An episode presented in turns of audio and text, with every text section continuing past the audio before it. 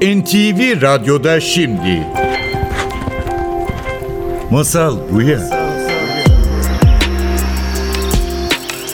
Judith Lieberman'dan büyüklere masallar. Karşınızda Judith Lieberman.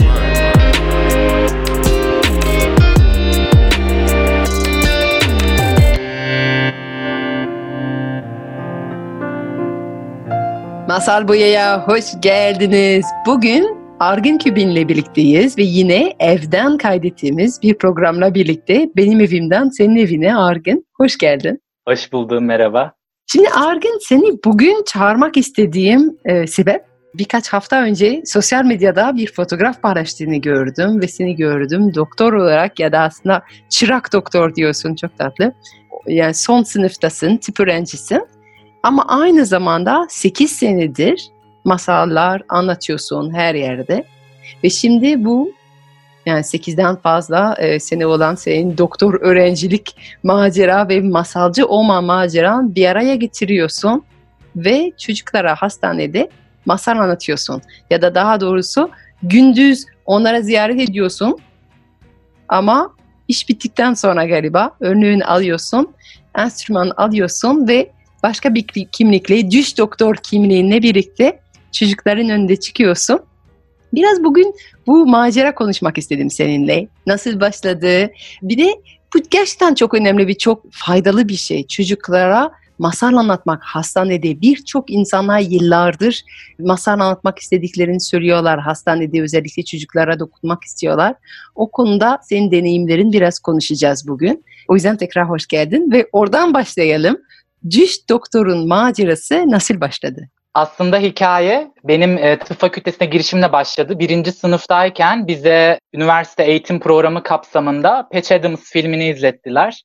Bilenler vardır mutlaka. Orada başka türlü hekimliğin gerçek bir hikayeden çekilmiş bir film ve ben o filmle e, başka türlü hekimliğin tohumu benim böyle zihnimde bir yere ekildi. Ve yıllar içinde bunu büyütecek bir alan bulamadım. Sonra hikaye anlatıcılığıyla tanıştım 2013'te. İşte çeşitli eğitimler aldım. Senin eğitimlerine katıldım. Sonra Seyba Hikaye Anlatıcılığı Merkezi'nin eğitimlerine katıldım. Oradaki eğitimlerde de bir staj yapmamız gerekiyordu.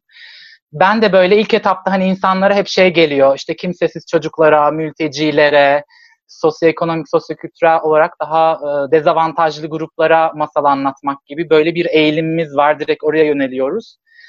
Sonra e, biz eğitim müfredatında İngiltere'den bir hemşire geldi. Masallarla Şifa adında bir atölye çalışması yaptı. Jessica, Jessica Wilson bir psikiyatri hemşiresi ve e, çalıştığı psikiyatri kliniğinde psikiyatrik hastalara masalları anlatıyor ve iyileşme sürecinde nasıl etkisi olduğuna dair de bir çalışması var. O da bir ilham oldu bana. Sağlık alanında bunun bir temsilinin olması. Böyle bir hikaye başladı. Sonra bir arkadaştan Almanya'da bir kadının prematüre bebeklere, küvezin içindeki prematüre bebeklere masal anlattığını duydum. Çok heyecanlandım ve bunun hayalini kurmaya başladım ben de. E, sonra işte staj yapmam gerektiği için bu masal anlatıcılığı eğitiminde de neden hastanede yapmıyorum? Zaten hastanedeyim. Uzaklara niye gitmeye çalışıyorum? İşte o bağlantıları kurmaya. Elimin altında hali hazırda gündelik hayatımın içinde niye masalı daha fazla yer açmıyorum, alan açmıyorum diye düşündüm. Ve biraz böyle prosedürel bir şeyler olur diye düşünürken fakültenin öğrencisi olduğum için hocalarım çok desteklediler. E, zaten farklı şekillerde bu gibi çalışmalar yapılıyormuş, gönüllü gruplar varmış. Öyle yol başladı. İlk çocuklarla başladı aslında senin dediğin gibi. E, çocuk hematolojide anlattım. Çocuk cerrahisinde anlattım ağırlıklı olarak. Çocuk hematolojisinde her odaya ayrı ayrı girerek çünkü orada yatan çocuklar çok bir araya gelebilecek çocuklar değillerdi. Tek kişi ya da iki kişilik odalarda anlatılar yaptım. Ama çocuk cerrahisinin bir oyun alanı vardı. O oyun alanına o gün gece gelebilecek çocukları davet ediyorduk ve böyle 8-10 çocuk sayı değişiyordu her defasında oyun odasında yapıyorduk. Ve bunun dışında aslında yetişkinlere de ara ara çok spontane anlatılar oldu. Hatta sağlık çalışanlarına ve sınıf arkadaşlarıma da e, anlatılar yaptım zaman zaman. Yani çok ilginç yayılıyor değil mi? Yani bir yerden başlıyorsun, sonra bir bölümden başka bir bölüme, sonra tabii ki bir hastane içinde hep hasta düşünüyoruz ama bir hastane içinde sadece hasta yok. sağlık çalışanları var. Onların da masala ihtiyacı var. İşte belki ebeveyn var ve aile var. Yani senin masallar kimileri dokunuyor? İlk ben e, hasta çocuklara anlatırım diye gittim ama baktım ki hasta yakınların aslında bazen çok daha ihtiyacı olabiliyor bu gibi şeylere. Herkes hastaya odaklandığı için hasta yakınları çok görmezden gelinebiliyor onların yaşadığı o psikolojik süreç. Ve bazen onların da hastaların dinlemeyip hasta yakınlarının daha dikkatle dinlediği e, zamanlar oldu. Ya da böyle işte hemşireler kulak kabarttığı, sağlık personelinin aa burada ne oluyor deyip kapının aralığından baktığı vesaire e, onları da davet ettiğim zamanlar oldu. Ve sonrasında baktım ki hani senin dediğin gibi ben hani ilk böyle hastalara odaklanmışken aslında burada çok daha büyük bir alan var. Neden onlara da anlatmıyorum? dan yola çıkarak e, o çember yavaş yavaş büyüdü. Bazen hani ebeveynlere izin veriyordum. Yani siz hasta yakında siz bir çıkın bir hava. Çünkü anlatacağım masallardan ebeveynler kaygılanabiliyorlardı ve böyle çok fazla süreçlere girebiliyorlardı. Dolayısıyla ben bazen çocuklarla birebir temas etmeyi daha çok önemsiyordum. Kendime bir güven vardı yani masallarla o süreci tamamladığımızda nasıl olacağına dair bir oradan girmek isterim. Çünkü tam noktaya dokundum. Birçok insanların sorduğu şey ya özellikle hastanede olan bir çocuğu yani kırmak istemez ya zararlı bir şey. Yani zaten birçok insana çocuklarına masal anlatmak istemiyor. Çünkü korkuyor ki e, kabus görecek, korkacak. Sonuçta masalların içinde karanlık ormanlar var, kurtlar var. Ama bir de zor bir süreçten geçen bir çocuğu iyice pamuklara sarıyoruz. İyice onların korkmalarını istemiyoruz ve diyorsun ya ebeveynler bazen kaygılanabiliyorlar. Ama ben güveniyorum çünkü tabii ki sen bu işi zaten yapan insanlarla birlikte okudun ve onlara konuştun. Senin görüşün nedir bu konuda? Neyi anlatırsın, nasıl seçiyorsun, neyi anlatmazsın, var mı öyle bir şey? Neyi dikkat ediyorsun masallarını seçerken ve seni kaygılayan bir şey var mı? Ya öncelikle bence bu gibi gruplarla insanlar çalışmadan önce tekrar tekrar neden çalışmak istiyorlar diye. Çünkü bizim toplumumuzda böyle bir acıma e, duygusuyla hemen böyle bir ah bir şey yapmalıyım bu grup için gibi böyle bir e, hemen atılınabiliyor ama sürdürülebilir olmayabiliyor ve sonra iyi bir şeyler yapayım derken çok daha kötü sonuçlara e, sebebiyet verilebiliyor. O yüzden bence tekrar tekrar bir o motivasyon nereden geliyor bir kendi içlerine dönüp bakmalarında fayda var. Çünkü şöyle şeylerle karşılaşmayı bilmek lazım. Benim masal anlattığım çocuk ertesi gün ölebiliyor. Bu gibi şeyler de yaşıyorsunuz. Dolayısıyla hani bu şeylerle hani acıyla, baş etmek, karşı tarafın acısıyla, acı içinde birini görmeye tahammül edebilmek, orada kalabilmek. O yüzden biraz insanın kendisiyle de aslında çünkü orada ciddi bir yansıtma oluyor o deneyimlerle beraber. O yüzden ölümle olan ilişkimiz, kendi işte yaslarımız, üzüntülerimiz, acılarımızla olan ilişkimize dair e, de bir kendi içimizde böyle bir süreçce de götürüyor. Bunu da bilmekte fayda var diye düşünüyorum. Belki o yüzden de tabii ki hastanede özellikle tip öğrenci olduğun için seni daha fazla kolay e, kabul ettiler. Yani zaten hali hazırda bunun için eğitim almışsın ve hastanede yaşamaya, hastalarla birlikte ilişki kurmaya zaten hazırdın. Ya evet ben önce bir iletişim kurmayı, tanışmayı önemsiyorum ve bence en kıymetli olan şey masaldan önce zaten insan insana kurulan o iletişim, ilişki, o bağlantı. O gö- çocukların gözlerinin içine baktığımda zaten o teması, o ilgiyi, o şefkati o alanı tamamen onlara hediye ettiğimi orada hani bir hekim beyaz önlükle beraber o zaten başlı başına bir iyileşmeye katkı sağladığını düşünüyorum. O orada da hemen aklıma şey geldi. Benim öğrencim var e, Özge daha önce bu programa katıldı ve o da senin gibi hastanede anlatıyor. O Cerrahpaşa'da anlatıyor. Çünkü çocuk doktoru ve o da şey dedi yani e, masal anlatmak bir doktor olarak çocuklarla olan kurduğu ilişki tamamen değiştirdi. Çünkü sadece beyaz önlüklü bir kişi olarak değil, artık masal anlatan bir beyaz önlüklü olarak gelebilmek ve bir sonraki gün katta ziyaretlerini yaptıklarında çocukların tepkisi başkaydı. Hep dedi ki ben çocuklara tek katkım ilaç olsun istemedim. Yani çünkü iyileşme bundan daha geniş bir şey olduğunu ve ilişkiyle birlikte ilerleyen bir süreç olduğunu biliyorum. Ve o yüzden masal eklediğim zaman tedavi sürecime ilişkim değişti ve tedaviye olan bakışım da değişti. Sen de böyle bir şey hissediyor musun? Yani bir sonraki gün sen beyaz önlüklü olarak geliyorsun. Belki aynı çocuklarla karşılaşıyorsun. Başka bir klinikle. Çocukların tepkisi ne? Çok etkilendim ben. Yani bu kadar masalların e, kısa sürede bu derece tesir edeceğini hayal edemiyordum açıkçası. Ama bizzat deneyimleyince böyle çok daha heyecanlandım ve bunu daha fazla yapmalıyım dair e, çok motive oldum. E, mesela birkaç bir çocuk vardı çok net hatırlıyorum. Çünkü hani pandemi döneminde uzun süre anlatı yapamadım çocuklarla, yani hastanede yatan hastalarla. Bir çocuk vardı böyle tamamen uzun süredir hastanede olduğu için çünkü tedavi süreleri hayli uzun 9-10 yaşlarında bir kız çocuğu ve tamamen hani dışarıyla bağlantıyı kapatmış, çok içine kapanmış, çok böyle depresif bir ruh halindeydi ve doğru dürüst iletişim kurmuyordu kimseyle. Yani gözlerinin feri sönmüştü böyle. İlk gidişimde böyle tüm ilgimi, dikkatimi vererek gözlerinin içine baktım ama benimle hiç göz teması kurmadı. Ama hani böyle kulağı da bende yani. Onu da çok net bedeninden okuyabiliyorum, hissedebiliyorum. Ama böyle hiç göz teması kurmuyor. Sanki dinlemiyormuş gibi yapıyor. Ee, annesi vardı yanında. Annesi dinledi, çok memnun oldu. Ee, hatta işte dedim ya bazı hasta yakınları daha ilgili dinliyor diye. Annesi çok keyifle dinledi, heyecanlandı. Hatta o da hatırladı işte ben de anlatırdım eskiden falan diye. Bayağı masallar üzerine muhabbet ettik sonrasında. Neyse çocuk da ilkinde öyle. İkinci kere gittim birkaç gün sonra. İkincide bitirdiğimde o anlatıyı böyle artık gözlerinde bir böyle bir parıltı gördüm yani. O yavaş yavaş bir şeylerin değiştiğini, benimle daha az da olsa iletişim, ilişki daha doğrudan kurmaya başladı. Ee, bir daha gidemedim. Ama yani sadece iki gidişle ve sadece çok kısa bir kalıyorum bir de ben odada hani 15-20 maksimum 20 dakika bile olmuyor. Tek bir masal anlatıyorum genelde. Ve materyal de kullanıyorum. Yine bir enstrüman hani daha çok sansula çalıyorum. Farklı enstrümanlar çocukların dikkatini çekebilecek farklı objeler kullanıyorum. Onları hani o hastane ortamında makine seslerinin arasında o masallar alemine gitmelerini biraz daha kolaylaştırmak, başka bir alan yaratabilmek için onların desteğini de alıyorum. Ee, ilk aklıma bu geldi. Yani o iki anlatışla böyle bir değişim yaratılabiliyorsa bu çok güçlü bir şey elimizde ve bunu daha fazla yapmalıyız diye çok etkileyici e, gerçekten. Peki tekrar gir, girelim. O masalları hangi masalları seçersin? Var mı özellikle? Neyi dikkat ediyorsun? O kaygıdan bahsediyorduk, ebeveyn kaygısından. Sen nasıl seçiyorsun? Neye göre seçiyorsun? Yani ilk etapta ben de bu kaygıları taşıdım. E, o yüzden biraz dene, e, ilk etapta daha böyle tekerleme ağırlıklı, daha böyle içinde müziğin, ritmin Oyun. olduğu, zincirleme, Oyun. oyunun, zincirleme masallar, bilmeceler bunları katarak başladım.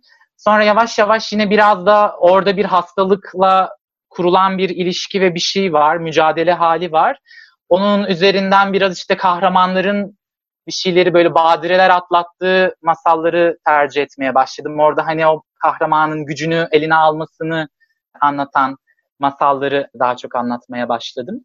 Hayli geniş aslında böyle çok ince eleyip sık dokudum diyemem. E, zaman içerisinde aslında e, benim kendi içimde o rahatsa çünkü e, ben hani bir masala dair bir kaygım varken o masalı anlatıyorsam onu da bulaştırıyorum karşı tarafa. O yüzden o şeyi aştım bir noktada ve aslında yaş grubuna göre ve o tanışıklıkla da beraber, kısa bir tanışmanın getirdiği şeyle de beraber e, hemen hemen diğer okul öncesi okullarda da anlattığım masalları hastanede yatan çocuklara da anlatmaya başladım. Yani bu senin söylediğin kahraman masalları duyunca hemen aklıma şey geldi. Ben Hindistan'a gittiğimde bir tane e, Ayurvedik doktorla konuşmuştum. E, o da bana şey demişti Ayurveda e, Hindistan'ın geleneksel e, tıbbı oluyor. Sen biliyorsundur. Ve orada geleneksel olarak şey kullanılıyor. Hem otlar kullanılıyor, hem hareket kullanılıyor, hem nefes verilir, hem masajlar verilir. Ama geleneksel çok eskiden Ayurveda tıbbın içine aynı zamanda hikaye de verildiğini söyledi. Artık yapılmıyor.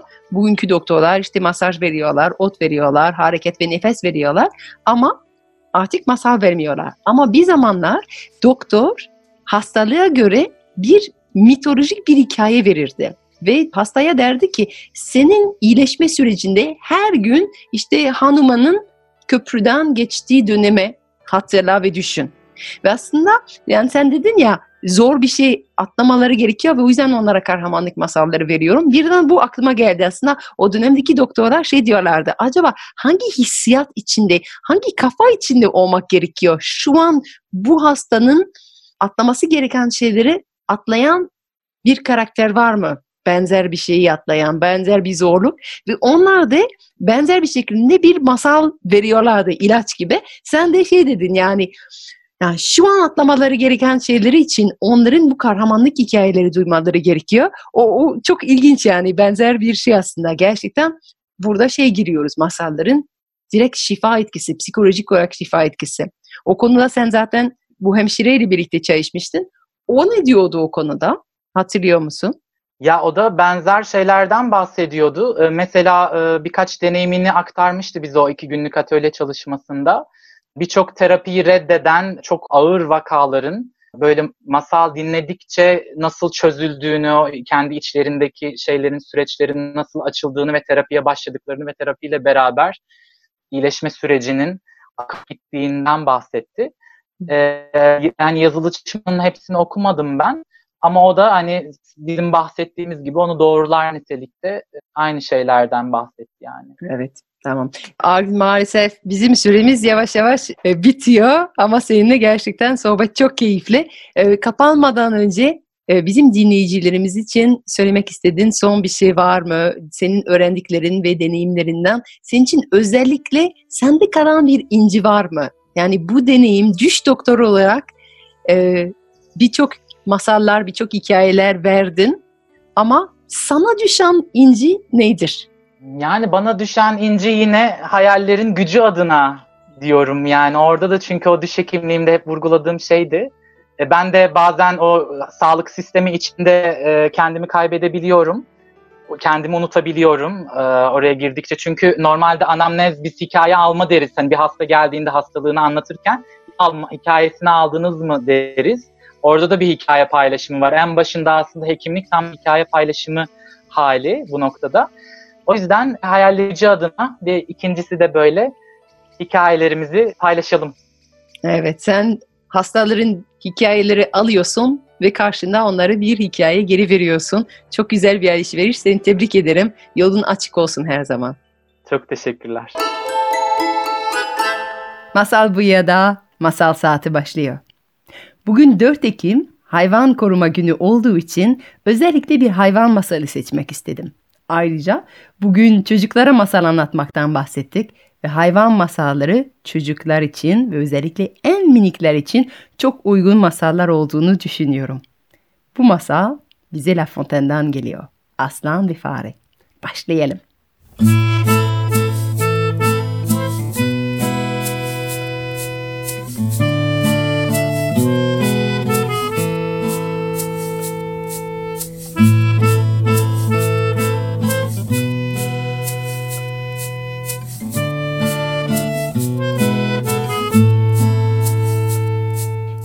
varmış, bir yokmuş. Günlerden bir gün bütün hayvanların kralı aslan ormanda geziyordu. Her hükümdar gibi kraliyetinde neler olup bittiğini öğrenmek için gezinmeyi seviyordu. Özellikle ormanın büyükleriyle buluşmayı severdi. Önemli konularda karar vermeden önce mutlaka kaplanın, filin ve gergedanın görüşü alırdı. O gün aslan etrafı seyretmek üzere bir ağacın altında oturdu. Oturur oturmaz kalçasının altında onu dürten bir şey hissetti. Önce dikkatli almadı ama ısrarla tekrarlandı. Biri onu kaba etinden itiyordu. Dayanamayıp kralın kralı aslan kalktı. Son derece kızgındı. Kim ama kim onu böyle itmeye cesaret ederdi ki? Kalktığında altında ne bulsun? Bir fare. Minik, beyaz, cılız bir fare. Kral gülmek ve öfkeden patlamak arasında kaldı bir an. Fare ona bakıp Affedersiniz efendim. Yanlışlıkla evimin kapısında oturdunuz galiba. Bir an kalkmayacağınızı zannettim. Neyse sorun yok. Elbet kalkarsınız zararı yok. İyi günler efendim diyerek uzaklaştı. Kral kala kaldı. Bu nasıl cüretti? Bu minik yaratık onunla nasıl o kadar sakin, o kadar rahat konuşabiliyordu? O kimdi ki Yüce aslan onun için kalksın. Aslan bir hamleyle farenin pençesinin içine alıp koca ağzının önünde getirdi. Sen şu an kimle konuştuğunu biliyor musun diye bağırdı. Fare zaten beyazdı ama o an kirece döndü. Sesi titremeye başladı. Efendim öyle demek istemedim. Sadece işitebilirsiniz. İşe gidiyorum da. Siz de evimin kapısının üstünde oturunca işte çıkamadım. Ee, Ben de işe geç kalmayı sevmem. Ama efendim yalvarıyorum. Evimde beni bekleyen 163 yavrum adına beni serbest bırakın ve söz söz veriyorum. Bir gün bu iyiliğin karşılığı size veririm. Aslan kahkaha attı. Bu kadar minik bir yaratık. Onun gibi güçlü birine nasıl yardım edebileceğini zannediyordu ki.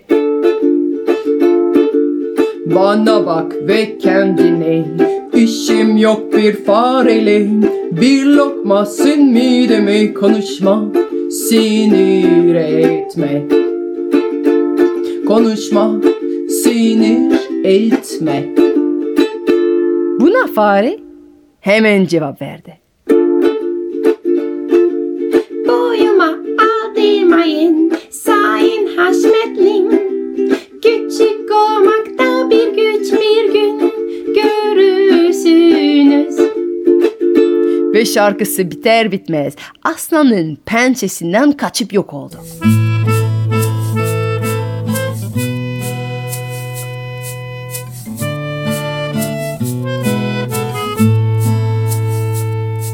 Aslan bu küçük olayı hemen unuttu.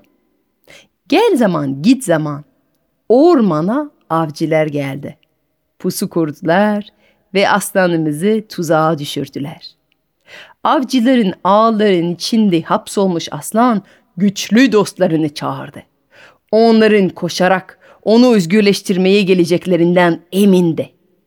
Ama kaplan olsun, gergedan veya fil olsun avcıdan korkmayan büyük bir hayvan bulamadı. Ağlarında hapsoldu kaldı. Ta ki minik bir delikten fare çıkıncaya kadar. Fare an ipini kemirip aslanı özgürleştirdi.